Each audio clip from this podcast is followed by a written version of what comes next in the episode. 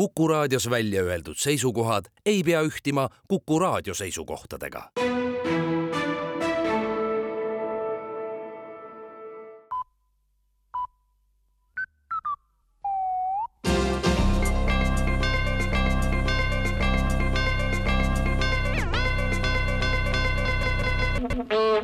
uudised on eetris ja stuudios Rohke Debelak mõningase vaheaja järel on erakonnad taas reguleerima asunud parteide rahastamise küsimusi. konsensus on hetkel selline, et parteide segase-võitu rahastamine peab senisel kujul säilima. põhjuseks on peamiselt see, et ka valijatel on paljudel enese rahastamisega segadusi. leida inimene, kellel selles vallas on kõik korras, on küll võimalik, kuid vastupidiseid näiteid on rohkem. kui parteide rahastamine on segane, siis tunnevad poliitikud ennast valijatega enam ühel lainel olevat. segaselt rahastatav partei on segaselt rahastatud valijale parem parem partner, sest neil mõlemal on ühisosa ja sellest lähtuvalt ka sidusus suurem ja poliitika ei võõrandu rahvast, vaid astub temaga ühte jalga. kui ajad ja tavad ükskord muutuvad ja ebaselge rahastamine kaob elanikkonna hulgast, siis reageerivad sellele kohe ka parteid, märgitakse ühisavalduses politseiteateid.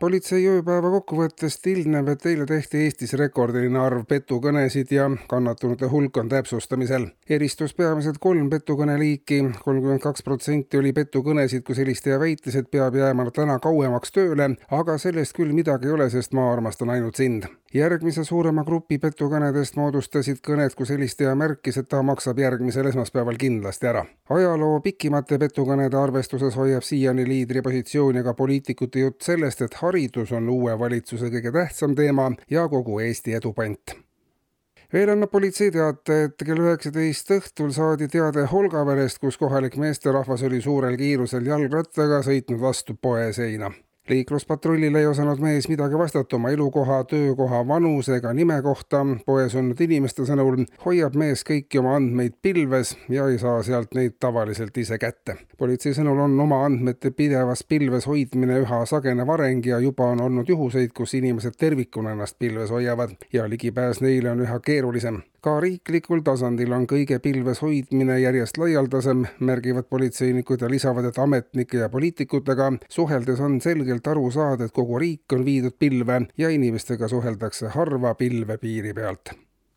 ja veterinaaria vallast. rühm Rootsi teadlasi on üha pikaajalisema uuringu käigus leidnud tõenäoliselt maailma kõige enam venivama aine selleks on Ungari tõugu härjaila, mis võib katsete kohaselt venida kuni kaks ja pool korda ümber kogu maailma.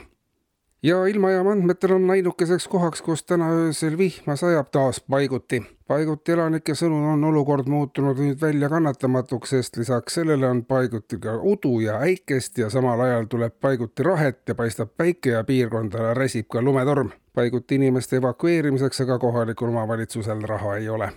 eetris olid uudised